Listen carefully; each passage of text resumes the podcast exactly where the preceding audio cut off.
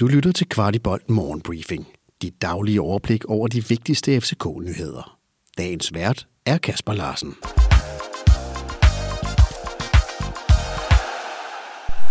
Onsdag den 9. november.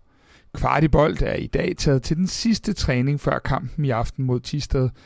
Det blev til en times træning, der bød på et pas med vores fysiske træner, og derefter handlede det primært om de taktiske forberedelser frem mod pokalkampen.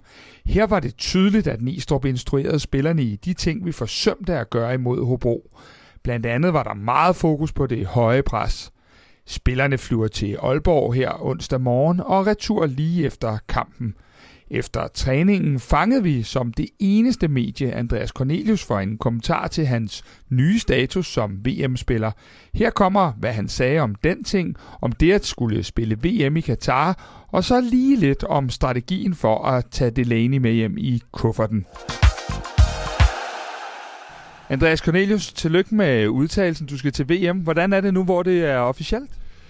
Jamen, det er dejligt, øh, og, øh, og nu kan man egentlig bare... Øh forberede sig og ligesom øh, ja, begynde at glæde sig. Der er jo ikke særlig lang tid til, vi skal afsted, og ja, jeg glæder mig virkelig meget.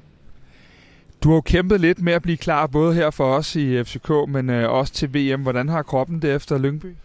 Den har det fint, øh, og jeg er også med i morgen. Øh, det er ikke sådan, så jeg sådan så, øh, at jeg ikke tør spille kampe nu frem til VM. Ja, det vil jeg også have, jeg vil, jeg, jeg vil godt af at øh, spille en kamp mere i hvert fald. Øh, i morgen der er det ikke planen, at jeg skal spille så meget, men jeg skal med. Øh, der kan, det kan være, der bliver brug for det. Så, øh, så, øh, så det er også en del af forberedelsen til, til VM selvfølgelig. Nu er du udtaget. Hvordan øh, begynder du så at se muligheden for spilletid? Jamen, det ser fint ud. Øh, jeg har fået meget spilletid de sidste gange, jeg har været med. Øh, startet inden også en del kampe, så, så der ser jeg gode muligheder. Er der nogle af de tre kampe, der ligger bedre til dig, synes du, sådan på forhånd, eller hvordan? Nej, det er svært at sige. Øh, Frankrig måske? Nej, jeg ved ikke. Nej. Det kan man jo godt sige, hvis vi lige kan huske tilbage til juni i hvert fald. Ja, men, øh, men nej, altså, øh, det, det ved jeg ikke. Så langt er vi slet ikke kommet. Øh, men, men altså, jeg er, jeg er klar til det hele. Om det er den ene eller den anden rolle, så, så er jeg klar. Hvilken betydning har det egentlig, Andreas, at det er øh, i Katar, hvor der er al den her skandale omkring øh, tingene? Hvordan ser du på det? Jo, men det er jo klart, at øh, ja, det er, tror jeg, der er rigtig mange, der synes er ærgerligt. Det ligger der, øh, og ligger midt i sæsonen. Øh, og, øh, og det kunne man jo have håbet var anderledes, men nu er det jo engang sådan, som det er, og, og vi kommer for at vinde kampe og vinde turneringen, og øh, vi, øh, vi skal bare fuld fokus på det sportslige, og, og øh, når først vi er der, så, øh, så skal vi også stoppe med at snakke om det, Øh, fordi der, der skal være fuld fokus på, på resultaterne.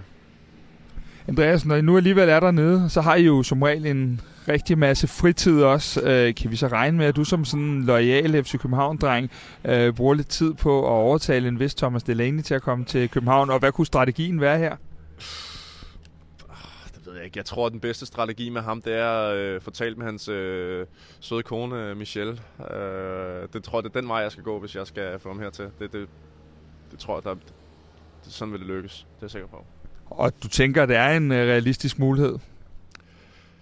Ja, yeah, altså, det tror jeg da. Jeg tror da, jeg tror da at, øh, at, at det er en mulighed. Det tror jeg da helt sikkert, det er. Om det er men, men, men jeg har ærligt talt ikke talt med ham om det det, det sidste stykke tid, så, øh, så det ved jeg ikke. Nu er der to kampe tilbage her i FCK. Øh, måske mest forhåbentlig en for dit vedkommende. Vi håber ikke, der bliver brug for alt for mange af, af jeres stamspillere ellers i morgen. Men øh, hvordan ser du udviklingen i holdet nu, hvor du har været lidt på afstand af det? Øh, jamen, øh, jeg synes, det er en, en fin udvikling. Øh, jeg synes, vi har vi, vi ser solid ud, og der er en, der er en helt klar øh, retning. Og øh, ja, det er, det er meget, som det skal være. Der, der er klarhed og tydelighed øh, over, hvad der bliver forventet og hvad vi skal gøre. Så, så det håber jeg også, man kan se øh, udefra. Så når vi starter her til foråret, så er du sådan rimelig fortrøstningsfuld også, når det er, vi, vi er jo FC København, så vi kæmper jo umiddelbart kun for den første position i ligaen. Jo, jo. Altså, det, øh, det tror jeg stadig på. Jeg tror helt sikkert på, at, øh, at vi kan vinde ligaen, og det er også vores øh, målsætning. Det er det. Andreas, øh, kæmpe held og lykke, både med de sidste kampe og så til øh, VM. Tak for det. Tak, tak. Du har lyttet til Kvartibolt Morgenbriefing. Vi er tilbage igen i morgen tidlig med byens bedste overblik over FCK-nyheder. Vi er meget interesserede i at vide, hvad du synes om vores morgenbriefing, og hvad vi kan gøre for at gøre den endnu bedre. Brug et par minutter på at give os feedback. Der ligger et link i shownoterne til et spørgeskema. Den her udsendelse kan kun blive til, fordi en del af vores lyttere støtter os med et lille måligt beløb. Vil du også støtte Kvartibold, så vi kan lave endnu mere kvalitetsindhold om FC København, så ligger der et link i shownoterne.